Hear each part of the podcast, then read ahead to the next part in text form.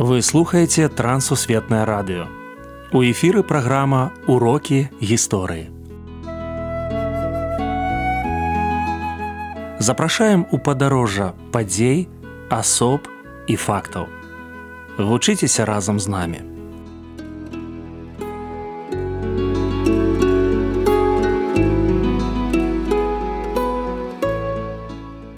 Добры дзень сябры. Перад мікрафонам сяржук брышцель і кандыдат гістарычных навук Андрусь унучак. Сёння мы пагаворым пра раман Владдзіміра караткевіча каласы пацярпом тваім. Прывітанне Андрусь. Прывітанне сяржук, прывітанне шаноўна слухачы. Раскажыце каля ласка гісторыю напісання твору. Раман каласы пад сярпом тваім ён па праву лічыцца адным з найлепшых раманаў беларускай літаратуры. Гэта раман ну з майго асабістага глядзяшча геніяльны, там дзе паказаны працэс станаўлення беларускай нацыі. І пісаўся ён задумваўся ў трох частках. Першая частка гэта перададзень паўстання каліноўскага. Другая частка гэта само паўстання і трэцяя частка гэта ўжо час пасля паўстання. Ён так называўся у планах караткевіча галгофа гэта пачатак 60-х гадоў. Владимиру караткевичу 30 гадоў. Ён едзе у рагачоў у дом свайго сваяка дзе яму асабліва добра пісалася на дняпры. І вось некалькі летніх месяцаў ён піша піша скончыў ён яго ў 1863 годзе на стагоддзя паўстання. І гэты раман ён сапраўды скончыў ён першую кнігу толькі. Ён лічыў што яму патрэбна яшчэ далей пісаць. Але так склалася што далейшыя кнігі яны толькі ў фрагментах нам вядомыя. Таму вось гісторыя яго напісання гэта гісторыя сапраўды асабістая жыцця владимира караткевича асабіста яго прыхільнасці да вось гэтага перыяду. Ён лічыў што менавіта тады былі закладзеныя падмуркі беларускай нацыянальнай свядомасці. Галоўныя героі раману. Галоўны герой рамана гэта алесь загорскі гэта княжыч нашчадак вялікага роду і слаўнага роду загорскіх. Мы бачым ягонае развіццё ў рамане на працягу вось з 1850 до 1861 году. Вось 11 гадоў з ягонага жыцця.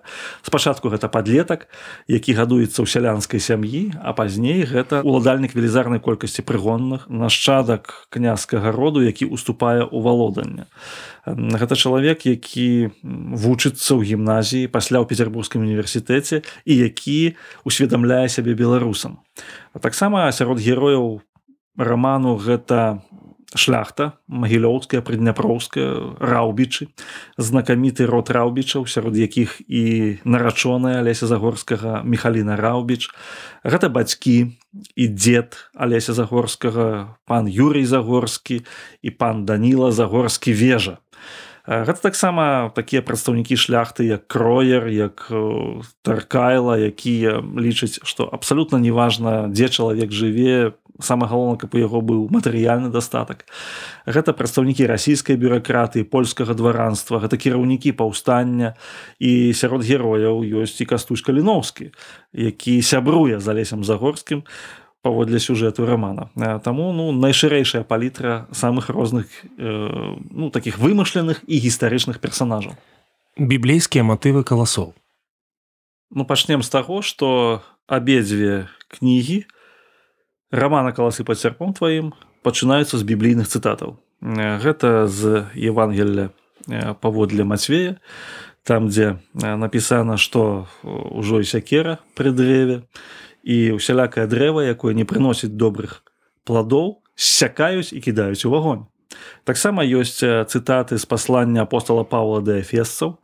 І э, сам месседж само паслання владимира караткевича гэта тое что кожны народ ён патрабуе свабоды патрабуе свабоднага развіцця. Это абсалютны такі біблійны месседж біблійнае пасланне у том сэнсе что народ ізраильскі ён быў выведзены господам праз маісея з егіпту ён увайшоў у зямлю абяцаную і тут канешне мы можемм сказаць пра тое што гэта пісалася ў савецкія часы. І ў савецкія часы гэта стала ну адным з такіх момантаў увогуле знаёмасці з біблійным наратывам. Складаны шлях да чытача.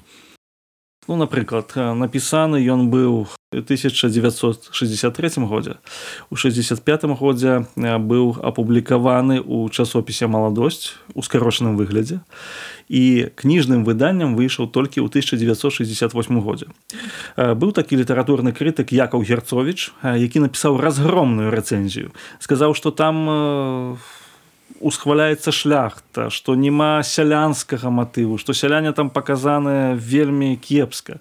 Які сказаў што там ёсць ідэалізм ідэалізацыя гэтых герояў. Ну в фактычна гэта быў такі разгром. Некалькі гадоў абмяркоўвалі яго ў саюзе пісьменнікаў.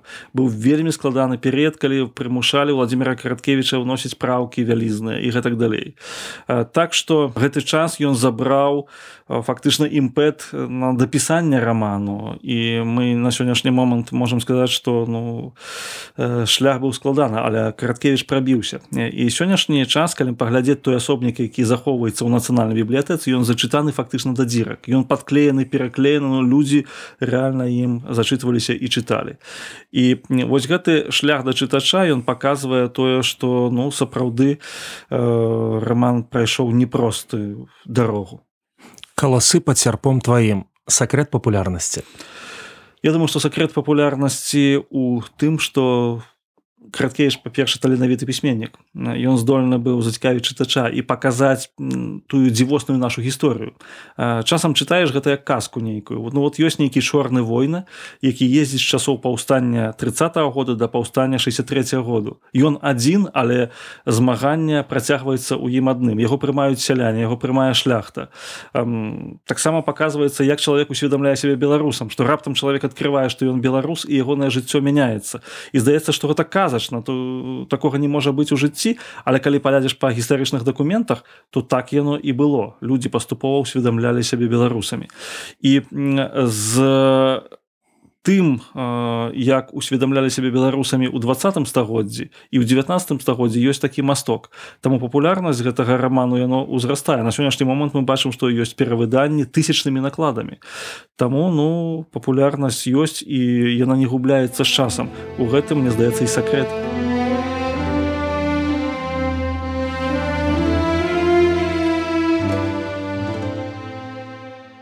адным з сваіх інтэрв'ю Владзімир Караткевич казаў: Гісторыя гэта метад мыслення чалавека.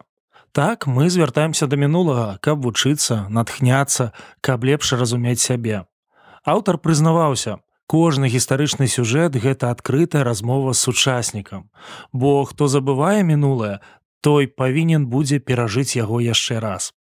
Караткевіч стаў першым з беларускіх пісьменнікаў, хто паспрабаваў сказаць праўду пра паўстанне 1863 64 гадоў.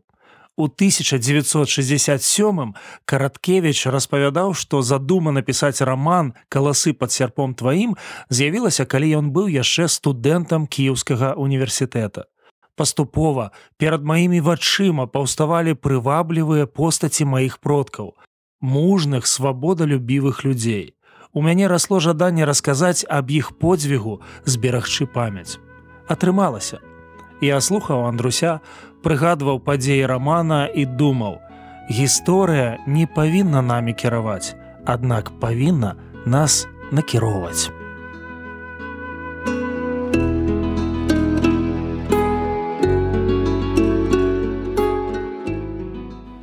Дзякую, што далучыліся да нашага праекту. Калі ў вас ёсць пытанні, пішыце каля ласка на адрас. Трансусветнае радыё, урокі гісторыі паштовая скрынка 45 індекс 22 40 20 город брест 20 Беларусь да новых сустрэч